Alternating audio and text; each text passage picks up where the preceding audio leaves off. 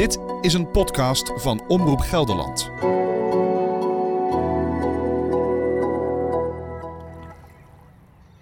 It, it's very emotional, really, being here on the beach where it happened. That you know, if it was happening right now, we'd be able to see it. Is uh, definitely hits home.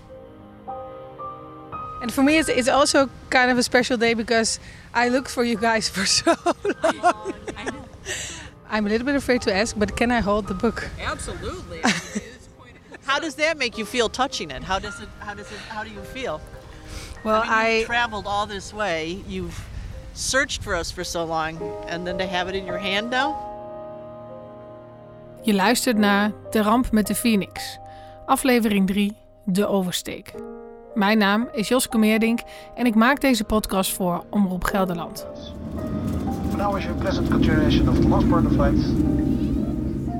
Zo maak je voor het eerst kennis met het verhaal van de ramp en zit je anderhalf jaar later ineens in de vliegtuig onderweg naar Amerika om nazaten te bezoeken van mensen die de ramp hebben overleefd en dat blijkt dan ook nog eens familie te zijn. Ik kan het soms nog moeilijk geloven. Intercontinentaal vliegen is nieuw voor mij. Het verste dat ik ben geweest zijn de Canarische eilanden. Ik krijg een dekentje, kan onbeperkt series kijken, krijg eten en drinken. Het ontbreekt me aan niks. En als ik dan naar het raampje kijk en die gigantische oceaan onder me zie, dan krijg ik oprecht een klomp in mijn maag. Ik hoef me niet schuldig te voelen, maar als ik mijn ogen dichtknijp en door mijn wimpers naar de zee kijk, zie ik de groep achterhoekers op de Frans, het zeilschip dat ze naar Amerika bracht. Ook op dat schip was het geen pretje, maar dat deel van de reis ging gelukkig nog goed. Irrespective of your final destination, you need to pick up and clear your luggage at airport. We landen in Chicago en huren een auto.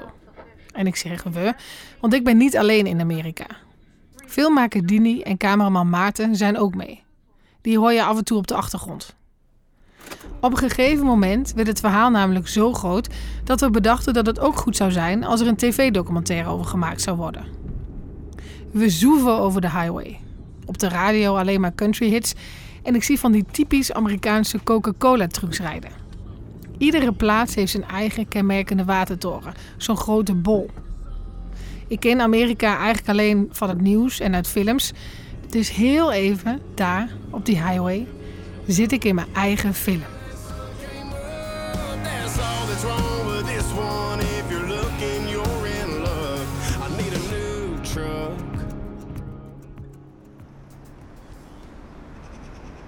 We zijn in Sheboygan, de eigenlijke eindbestemming van de Achterhoekers die op de Phoenix zaten. De volgende ochtend vertrekken we richting Cedar Grove, een klein plaatsje ten zuiden van Sheboygan met ongeveer 2100 inwoners. Eén minuut. Oh. Ah.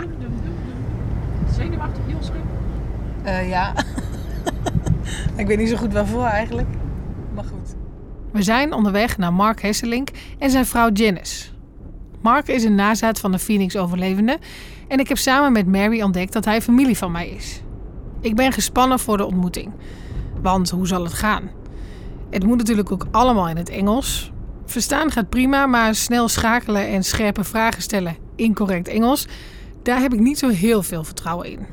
Dus meneer Cotier, mijn oude Engelsdocent, als je luistert, sorry alvast. Wat was het nummer ook alweer? Even kijken.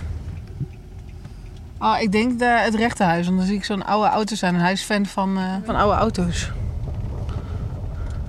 Zal ik maar gewoon aanbellen of wat is eh, handig?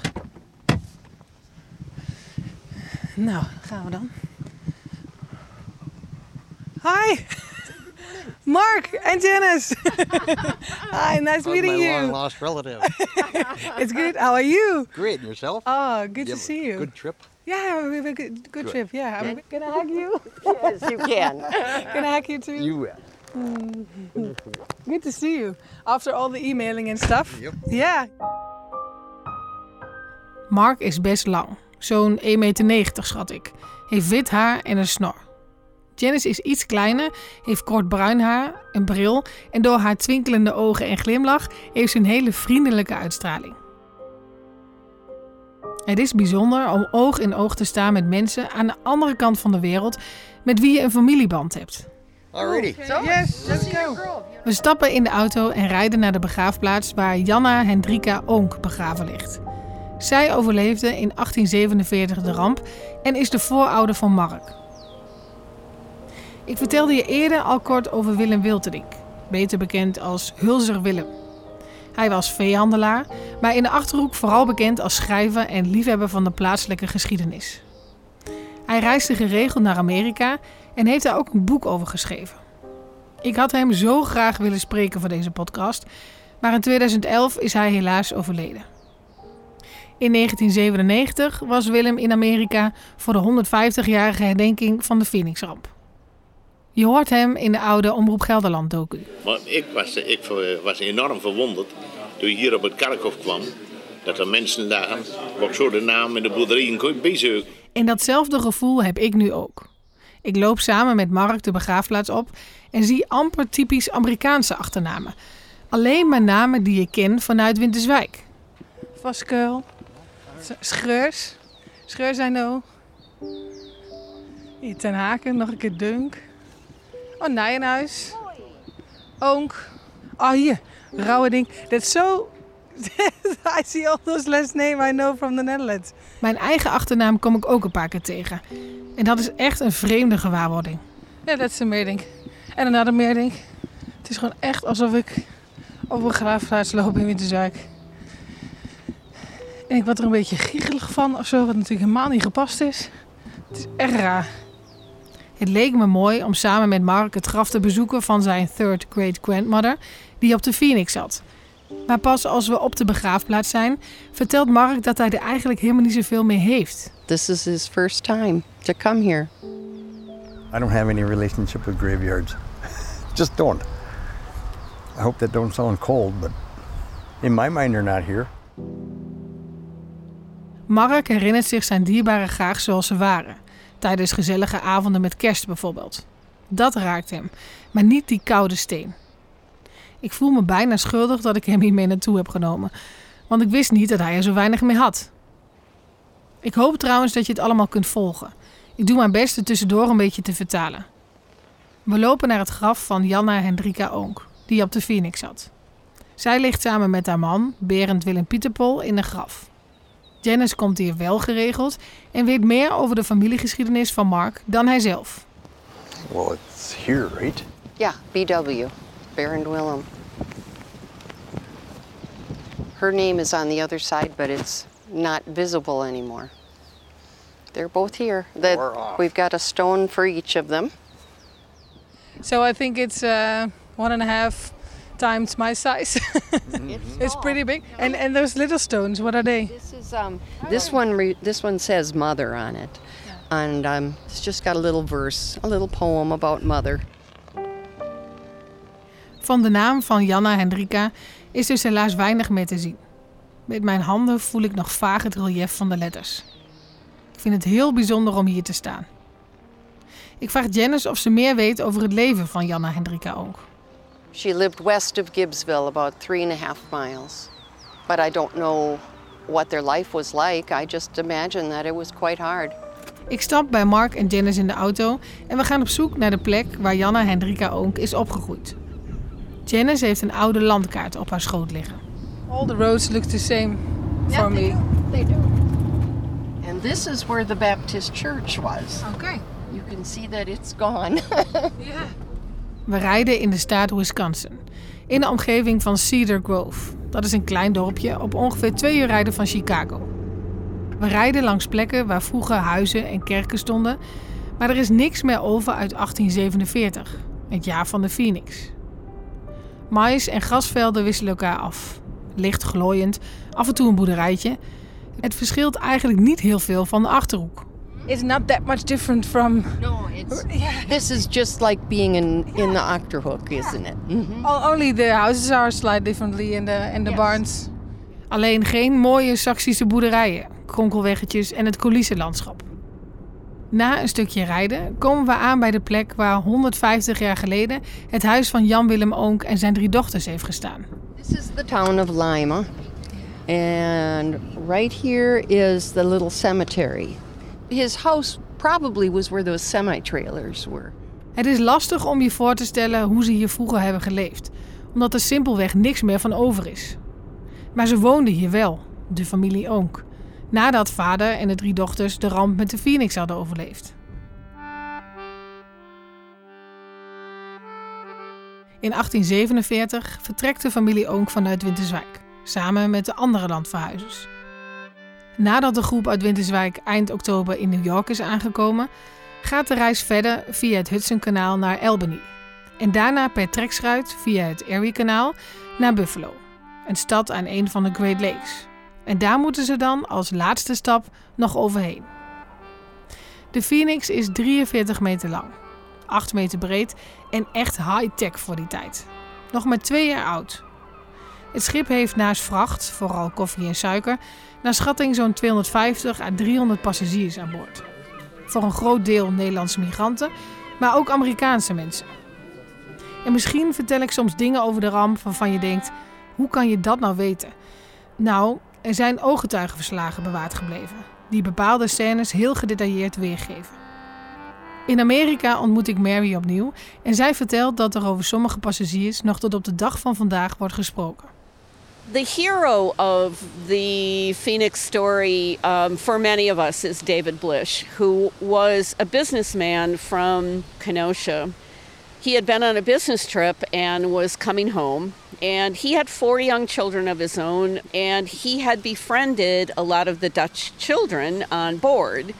So the story was that he had been teaching the children English words to prepare them, uh, and the Dutch children were teaching him a little bit of Dutch in return, and he would play games with them.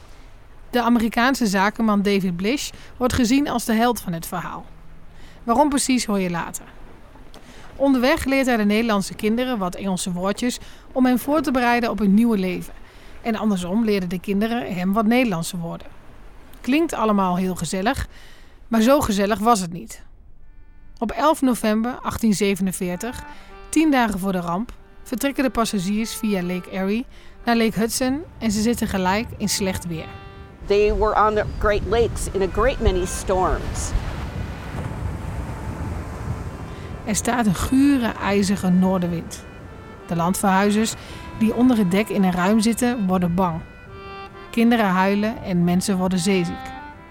De golven proberen het schip te pakken, maar de Phoenix houdt het hoofd boven water. Na twee dagen te hebben geschuild voor de storm achter een eiland, vaart de Phoenix Lake Michigan op. En ook al is het weer nog steeds pittig, de stemming onder de landverhuizers is goed, want ze zijn er bijna. Nog even en dan kunnen ze beginnen aan een nieuwe leven. Na een reis van bijna drie maanden.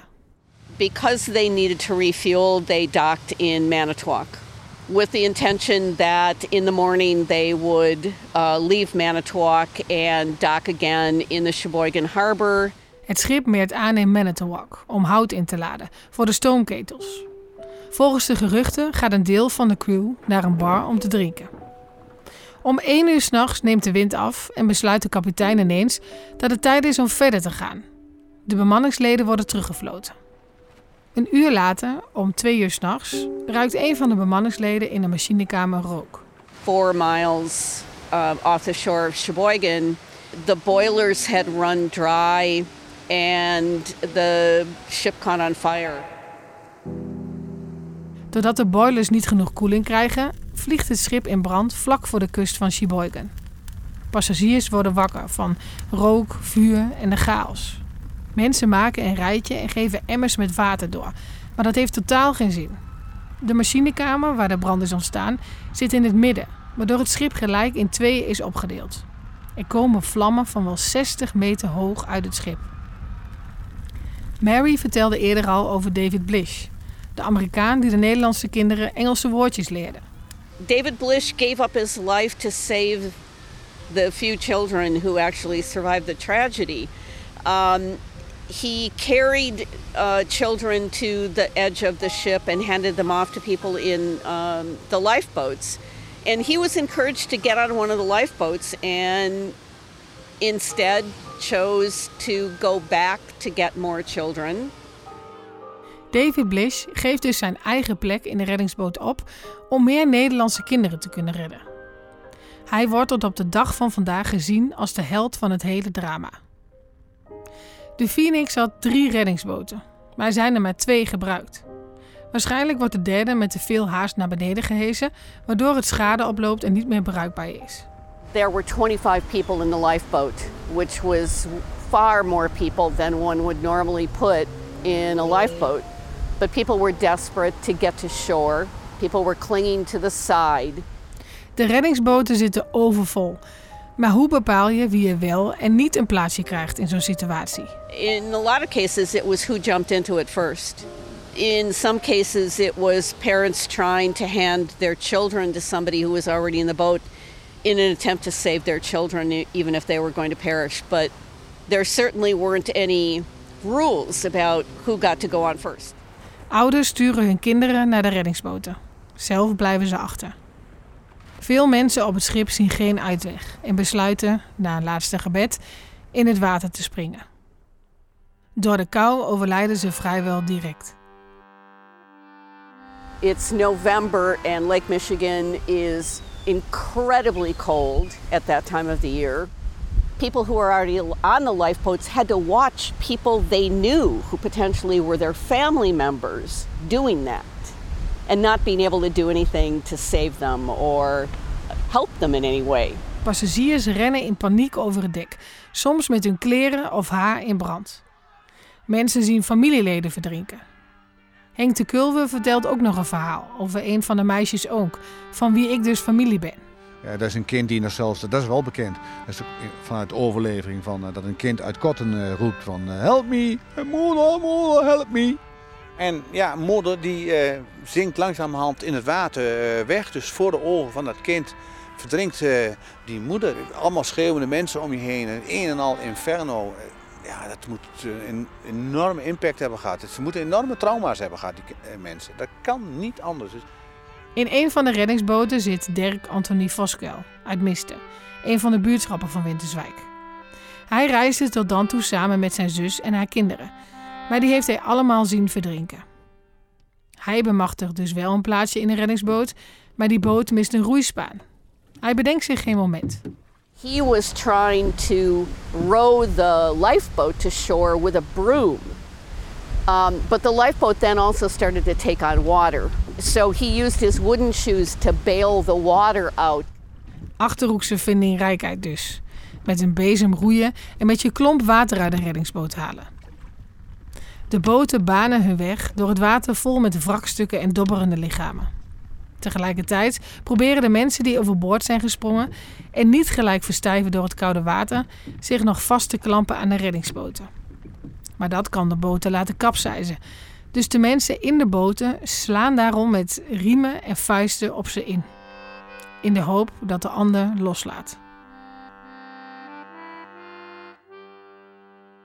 There were attempts to send the lifeboats back to the ship, and it really was too late. It was burning so rapidly, and it was such a distance that, that to try to get the lifeboats back was really kind of a futile attempt. Aan de oever van het meer, in Sheboygan, staat een huis.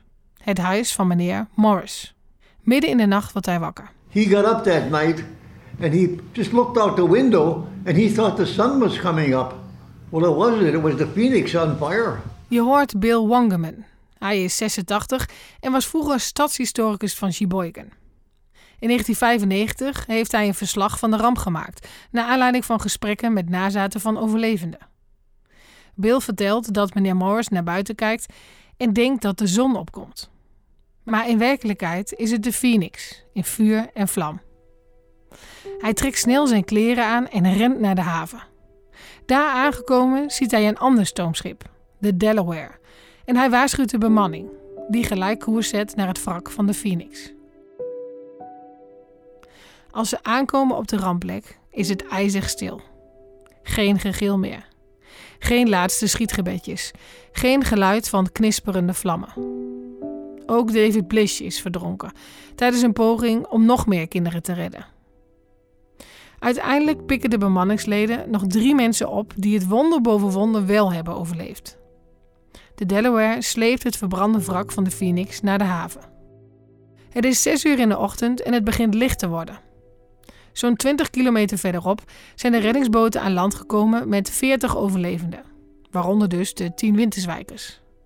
Ze hebben een vuur weten te maken op het strand om zich aan op te warmen.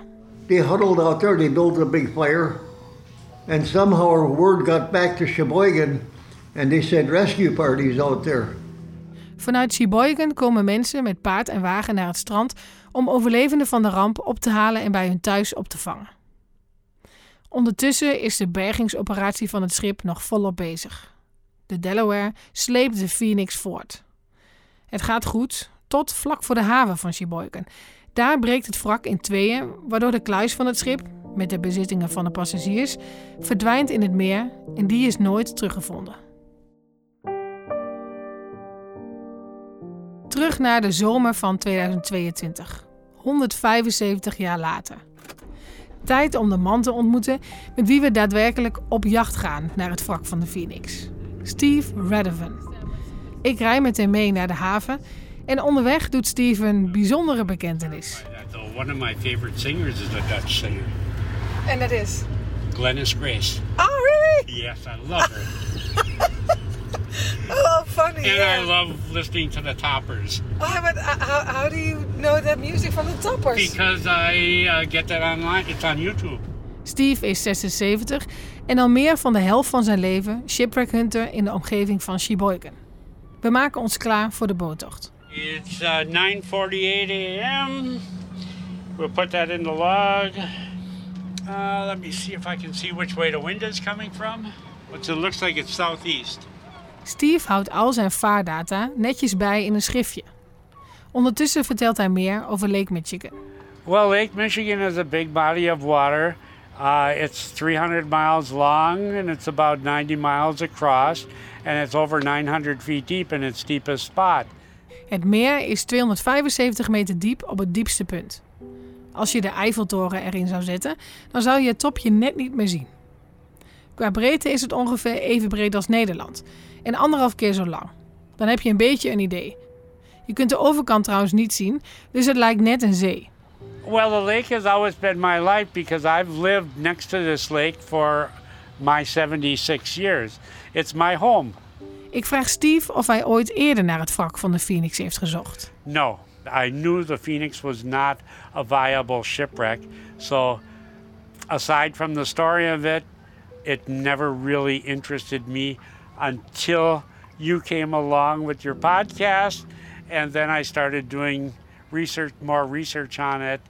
Het verhaal van de Phoenix heeft, als shipwreck hunter, nooit echt zijn aandacht getrokken. Omdat hij altijd dacht dat het wrak niet meer intact zou zijn. Het is zover.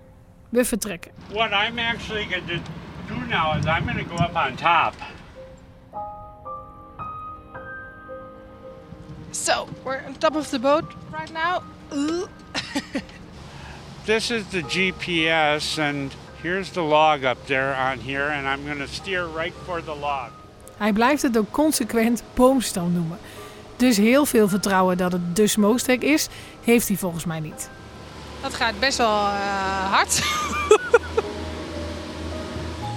And right now we're going 23 miles an hour. Dat is een kleine 40 km per uur en op het water voelt het al best hard. Hij heeft een soort apparaatje. Linksbovenin staat de speed. Dus een soort stippellijntje naar eh, de log die hij eerder heeft gevonden. Het is ook gewoon net een zee. Het is een meer, maar het lijkt een zee. Ik vraag Steve hoeveel shipwrecks hij zelf in zijn carrière heeft gevonden. And uh, how many did you find in your life? Uh, about 11. 11. Yes. Old sailing ships. And the older the better. In het begin dook Steve zelf ook nog, als ze dachten dat ze wat gevonden hadden. Ik vraag me af of je dingen die je op de bodem aantreft mag houden. The early days we uh, we kept some of the things, but a lot of things we did donate. We basically wanted to tell the stories. Uh, but there are some things that we did keep. Oh, you make me curious. What, what kind of things? If there would have been things like gold, we would have kept that. In Ah. fact, I did dive on a ship over in Lake Huron that I found gold rings in that, and that I kept. Keep that as a as a souvenir from your dive. I did for a while, but now there's a museum, and I donated it uh, just a couple years ago to that museum. There was also a full bottle of wine on that. And it was 1864. Whoa! Did you drink it? Yeah, we drank some of it. It turned our tongues black. But that went away. Aan sterke verhalen geen gebrek. Ik wil meer weten over hoe het op Lake Michigan is in november, de maand waarin de Phoenix verging. Well, the weather conditions in November, uh, that's a change month. When the water cools down in the lake, it gets more active. And uh, normally that's when your worst storms uh, happen during in this area. November is dus een gevaarlijke maand. Het water wordt ruiger en doorgaans ontstaan er dan de meeste stormen. A good comparison to how it was on the Phoenix is watch the Titanic movie, and when Leonard, Leonard DiCaprio, I think that was his name, when he's dying on that, uh, when they're floating out there, uh, he slowly just faded away. And that's probably what happened to these people out here too. We zijn al een tijdje aan het varen en zijn bijna op de rampplek. Zometeen hoor je meer. In de week dat we in Amerika zijn, besluit ik op één dag de wekker heel vroeg te zetten.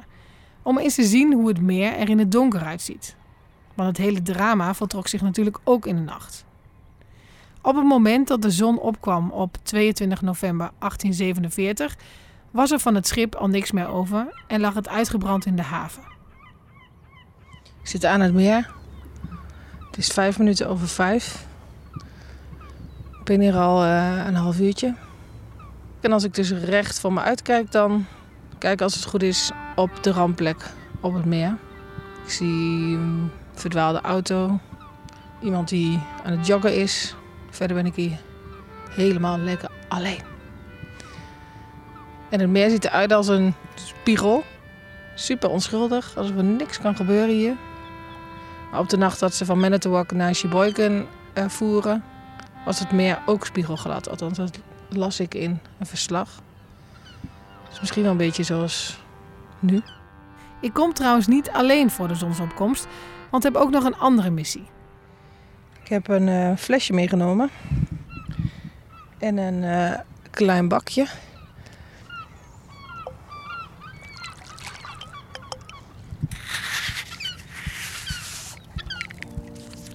Nou, gelukt. Als ik eenmaal iets heb bedacht, dan moet dat ook gebeuren. En zoals het een ware missie betaamt, zeg ik: to be continued. Terug naar de boot met Steve. Ik vraag hem om te vertellen over zijn vondst in 2014. I found this what I thought was a log out there and then after you started getting me interested in the Phoenix project, I couldn't uh, verify that it really was a log. It's possible it could be the smokestack. So it's something that has to be looked at. And how I'm excited, but how excited are you? no, this is just something else. Steve heeft dus een paar jaar geleden iets gevonden op de bodem van het meer. Hij denkt zelf dat het een boomstam is, maar het zou dus ook de schoorsteen van de Phoenix kunnen zijn. Hoe enthousiast ik er ook over ben, Steve maak je de pis niet lauw. We zijn nu vooral aan het varen omdat ik het wil, zegt hij. We're right at that site now. I'm Wow. gonna slow this all down. Yeah, that's good. This is, according to the captain of the Delaware, this is where he was, the spot that he was heading for when he saw the ship burning. Steve gaat naar beneden om te filmen met tv-collega's Dini en Maarten. Ik blijf even alleen op het bovendek en besef dat ik nu ongeveer hetzelfde uitzicht heb als de mensen tijdens de ramp. De kustlijn was toen nog vooral bebost en er stonden nog maar een paar huizen. Maar toch. Dus dit is wat ze zagen toen het schip in de fik stond.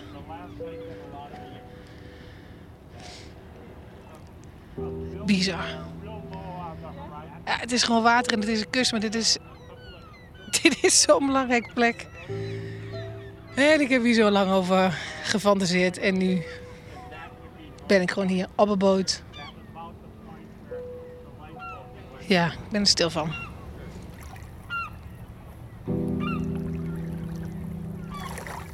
We zijn dus nu echt aan het hunten. Niet zozeer naar een ship, maar naar een pijp. ik heb het idee dat Steve zelf denkt, waar ben ik aan begonnen? Normaal gesproken speurt Steve natuurlijk het meer af naar complete wrakken. Niet naar een lullig pijpje. Maar dit lullige pijpje kan wel het enige onderdeel zijn dat er nog over is van die ramp. En het zou voor mij echt heel bijzonder zijn om te vinden. Ik ga naar beneden en sta samen met Steve in de stuurhut. Nu gaat het echt beginnen. We gaan kijken of het voorwerp dat hij in 2014 vond er nog steeds ligt. Okay, this is the uh, side scan sonar now, and what we're doing is we're looking at the bottom of the lake. What do we see on the screen? Well, we don't see anything yet, uh, but we're going to try to find the smokestack. I've found it before, and I've got it on my GPS, and I'm trying to get it so a good angle on it so that it comes up on the screen. And how do we see on the screen that there's something there? Is there going to Well, be a dip? see when it's there'll be a mark on the screen.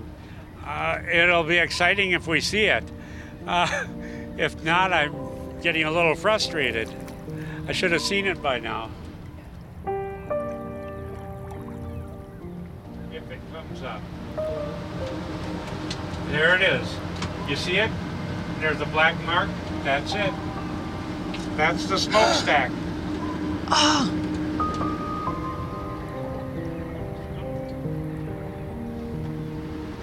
it's like looking on a on a baby echo. I don't know where to look. Mijn hart zit gelijk in mijn keel. Het ligt er dus nog. Dat had ik eigenlijk ook wel verwacht, want of het nou een boomstam of een schoorsteenpijp is, die zijn beide zwaar en zullen niet zomaar verplaatsen. So I think that's about all we can do with that. I think it's time to go to the next phase. I kind of try to keep things secret for a while. Uh, the best way would be to send a diver down to look at it. En nu dan? Alleen een duiker kan ons redden, zegt Steve. Maar waar moet ik een duiker vandaan halen binnen een paar dagen in Amerika? Wordt vervolgd. Ik heb afgesproken met Kim en Rebecca Foster. Toen ik nog in Nederland was en voor de zoveelste keer de oude docu van de omroep bekeek, zag ik een scène met een vrouw die een heel oud klein boekje vast had. Dat was aangespoeld na de ramp. I'm Barbara Foster, and uh, I'm a descendant from uh, uh, the Unk family and wrestling. I have a prayer book that floated ashore. Ze zegt dat ze een nazaat is van een van de zusjes Onk. Op dat moment besef ik dat zij, Barbara Foster, dan dus ook familie van mij is. Ze vertelt over haar overgrootmoeder. That's where I got the book from. Uh, she passed it on to my mother, and my mother passed it on to me. Wauw. Zij heeft dus iets in handen wat de ramp heeft overleefd. En dat boekje is dan ook nog eens van mijn familieleden geweest, die op dat schip zaten. Ik moet en zal in contact komen met haar. Na lang zoeken ontdek ik dat Barbara inmiddels is overleden. Maar lukt het me om in contact te komen met haar twee dochters. Joske? Thank you. Hi. Joske, yeah. My name's Kim Foster Tortorisi. And I am Kim's youngest sister, Rebecca, but I go by Becky. We spreken af bij een strandje. Er staat een stevige wind en we zitten op een bankje onder een wapperende treurwilg. Our great, great, great grandparents each survived. They weren't married at the time, but they each survived. And they were Hiram Jan Roeslink and um, Johanna Onk. De voorouders van Kim en Becky zaten dus op de Phoenix. Niet één, maar beide. Ze hoorden voor het eerst over de Phoenix-ramp van hun moeder. Can you remember some stuff she was telling you? Because it's not a fun story to hear. No, no, it's the the thought that they made it all the way overseas and they're within sight of their destination. 3 months of traveling and they made it this far and the vast majority of people perished. It's overwhelming, but it's also inspiring that they went on and created lives here and just from a couple of people that survived, there's there's hundreds of descendants. Het grijpt Becky vooral aan dat de groep landverhuizers op de Phoenix er bijna was en in het zicht van de haven verging. Ik vraag Kim naar het psalmenboek dat ze bij zich heeft. Is it something you cherish or is it is it presented in your living room in a glass box? I had a pride of place in the home, at my mother's home. You weren't to touch them when they were little. Het boekje lag op een speciale plek in het huis van hun moeder. Maar ze mochten het als kinderen nooit aanraken.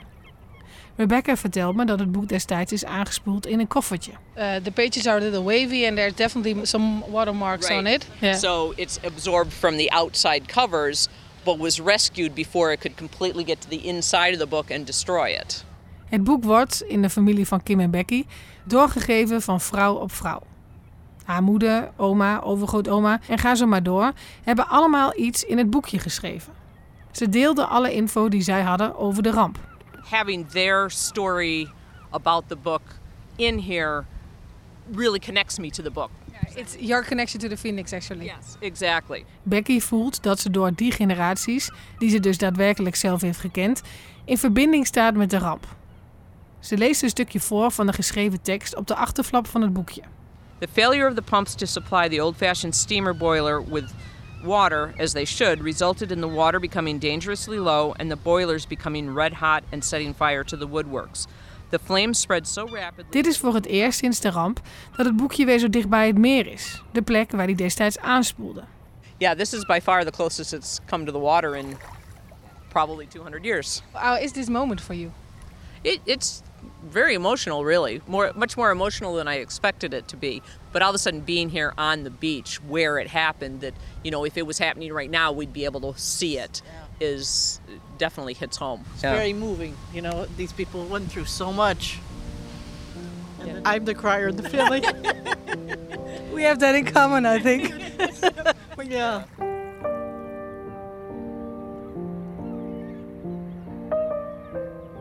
I have a very tight grip on this book right now, and I have had since we walked on the beach. And it wasn't a conscious thing that, oh, I need to make sure I protect this. It's just subconscious, innate that hold on to it, hold on to it tight. And part of it, I think, is that connection. Ze zijn er beide dus nogal emotioneel onder. Becky zonder tranen, maar Kim met. En als ik tranen zie, ja, dan is het al te laat. Ik vraag Kim of zij het verhaal ook doorvertelt aan de volgende generatie. My youngest daughter, um, I had her print out the things, some of the genealogy things that you sent. She was pretty tickled. She was like, wow. I can see my youngest daughter possibly keeping the book. Kim denkt dat ze het boek later aan haar dochter gaat geven. Omdat zij nu al interesse toont in de familiegeschiedenis. And for me, it's, it's also kind of a special day because I looked for you guys for so long. For technology nowadays, you can trace this stuff. It's so much, so nice to. I mean, you're way across the ocean, and can we can connect. So um, um, I'm a little bit afraid to ask, but can I hold the book? Absolutely. I'd be disappointed if you didn't want to. Thank you. Voor mij is het een speciale dag. Omdat ik zo lang naar deze twee zussen heb gezocht. En nu is het gelukt. Ik vraag of ik het boek, dat dus ook van mijn familie is geweest, mag vasthouden. Dat mag. Kim houdt mijn microfoon ondertussen even vast en vraagt of ze dan nu mij mag interviewen, omdat ze ooit journalistiek heeft gestudeerd. now tell, ask me some really good questions now. How does that make you feel touching it? How does it? How does it? How do you feel?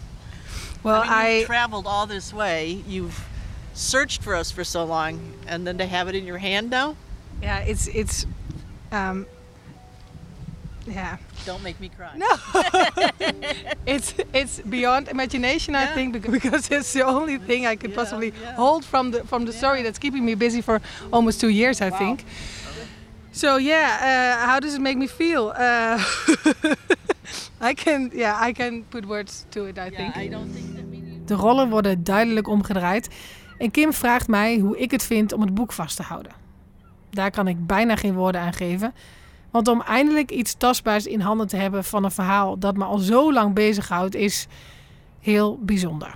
To have something like the book, to be able to touch.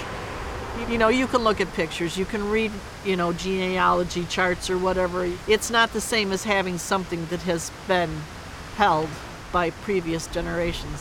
Their fingers were actually on this book. They sang from it. They touched Right. it. Family's important. And the older you get, the more and the more people you lose, the more important it becomes. Kim en Becky zijn dankbaar dat hun voorouders ervoor hebben gezorgd dat zij het boekje nu ook nog kunnen vastpakken met hun eigen handen. Ik neem afscheid van de zussen, maar ontmoet ze later nog op de begraafplaats waar hun voorouders liggen. Dat hoor je in de volgende aflevering. Maar voordat dat zover is, heb ik nog een afspraak in Manitowoc, een kustplaats ten noorden van Sheboygan, op zo'n half uurtje rijden. De plaats waar de Phoenix voor het laatst aanmeerde. My name's Kathy Green, and I'm the executive director here at the Wisconsin Maritime Museum. I've been working as a marine or maritime archaeologist up here in the Great Lakes for over 20 years, uh, diving all over the Great Lakes and all over the world. Ik zit tegenover Kathy in een kleine vergaderruimte in het Maritiem Museum. Voor haar heb ik een laptop neergezet met daarop de beelden die Steve maakte van wat hij denkt dat of een boomstam is of een schoorsteenpijp. Ik wil graag van Kathy weten, met haar expertise als maritiem archeoloog, wat zij denkt dat ze op de beelden ziet, zonder dat ik haar van tevoren iets heb verteld. Let's see here. Oh, okay. So there's a cylinder on the bottom. It looks like it could be a log, but it looks like it might be hollow. Um, in which case, that would be very interesting indeed. Wauw, binnen 10 seconden bevestigt ze dus de twijfel die Steve en ik ook hebben.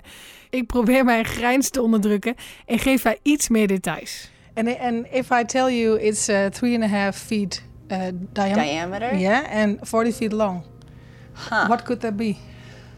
Well, I, you know, and thinking about the phoenix, um, that would be about the right dimensions for, for the stack. Ik vertel haar dat het voorwerp een doorsnede heeft van ongeveer 1 meter en 12 meter lang is. Vervolgens bevestigt ze dat dat inderdaad overeenkomt met de afmetingen van de smokestack van de Phoenix. Ik krijg er zweethanden van.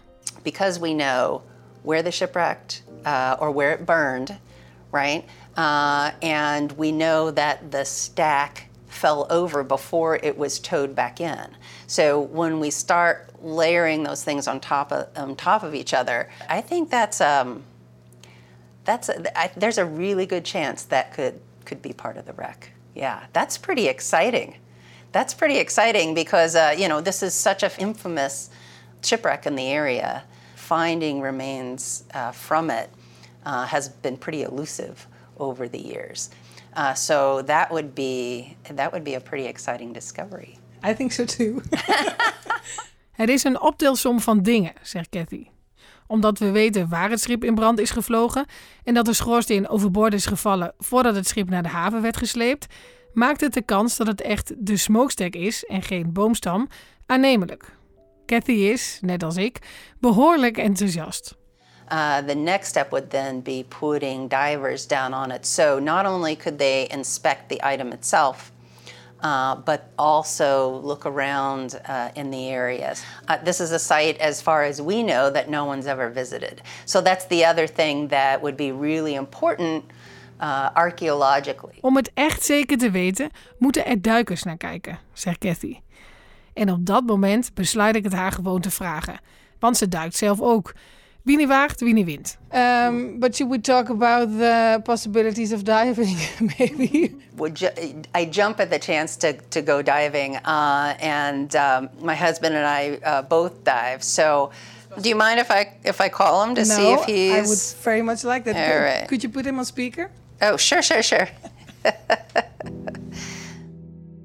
Op dat moment wil ik het liefst van mijn stoel springen om Kathy een dikke knuffel te geven. Maar dat is niet per se heel professioneel. Dus ik hou het bij een dikke glimlach. Ze wil gewoon gaan duiken met ons samen met een man. Hoe gaaf! What's up, boss? All right, you're you're on tape, so keep that in mind. So you are, you are. I'm I'm here with uh, the film crew who's working on the Phoenix documentary. Oh, okay, all right. And they just showed me some really interesting footage that they got with Steve earlier this week. What looks to be a smokestack. Certainly like a long cylindrical item, and it looks like it's the only thing around. Wow. Kathy vertelt haar man over onze bevindingen en ook hij is er stil van. Hij zegt alleen maar dingen als wauw en oké. So I didn't know if you're interested or available uh, to suit up with me and see if we can go and, and check it out. Um, I'm very interested, uh, but unfortunately, I don't know if I can pull that together. Ah nee, de man van Kathy wil graag, maar kan niet. Hij heeft een meeting in Washington. But I'll tell you who, who might be able to would be Tammy and Caitlin. Oh yeah, that's a, that's a great idea though. Um, I'll reach out to them and see if they're able to come out. Unfortunately, these guys are only here for a couple days, but um, Ja, daar zegt ze het net. We zijn hier nog maar drie dagen. Dus alle goden moeten ons wel goed gezind zijn, denk ik. Wil dit lukken? talk to you soon. Bye. Okay. wow. So he, he was talking about uh, Tamara Thompson. Tamara Thompson and Caitlin Zant are the state underwater archaeologists. And actually, they're both phenomenal uh, technical divers, too. So, 100 feet is, is no problem for them. They would be the best people to take a look. Tamara en Caitlin zijn duikers van het officiële duikteam van de staat Wisconsin. En zijn volgens Kathy de meest geschikte mensen om het voorwerp op de bodem verder te onderzoeken. En of het Kathy lukt om ze te regelen, dat hoor je in aflevering 4. In die aflevering ga ik ook dieper in op de nasleep van de ramp. There were 94 children who perished. If those 94 children had lived and married and had their own children, the size of the Dutch community here would have been totally different. En als de ramp niet was gebeurd? Nou, ik denk dat Winterswijk nog verder leeggelopen was. Dat denk ik wel. Je luisterde naar aflevering 3 van De Ramp met de Phoenix. Een podcast van Omroep Gelderland. Mijn naam is Joske Meerdink. De redactie, het schrijven van het script, de uitvoering en de montage waren voor mijn rekening. De eindmix is gemaakt door Gedo van der Zee. Coaching en eindredactie door Maarten Dallinga. En heel veel dank aan Dini van Hoften, Lieke Meerdink en vele anderen voor het meedenken. En jij? Bedankt voor het luisteren. En vergeet je niet te abonneren. Zo krijg je een seintje als de volgende aflevering online staat. En als je dit een interessante podcast vond, zou ik het heel fijn vinden als je dat aan anderen laat weten. Nog leuker is het als je een recensie achterlaat bij Apple Podcasts of Spotify. Dat helpt andere mensen deze podcast te vinden. Ben je gegrepen door het verhaal? Dan is het ook zeker de moeite om te kijken naar de tweedelige documentaire over de ramp met de Phoenix. Je kunt hem vinden door te kijken op gld.nl/slash Phoenix. Daar vind je trouwens ook de oude docu, waar ik het steeds over heb. Heb je tips, vragen of andere suggesties? Mail ik dan naar phoenix.gld.nl.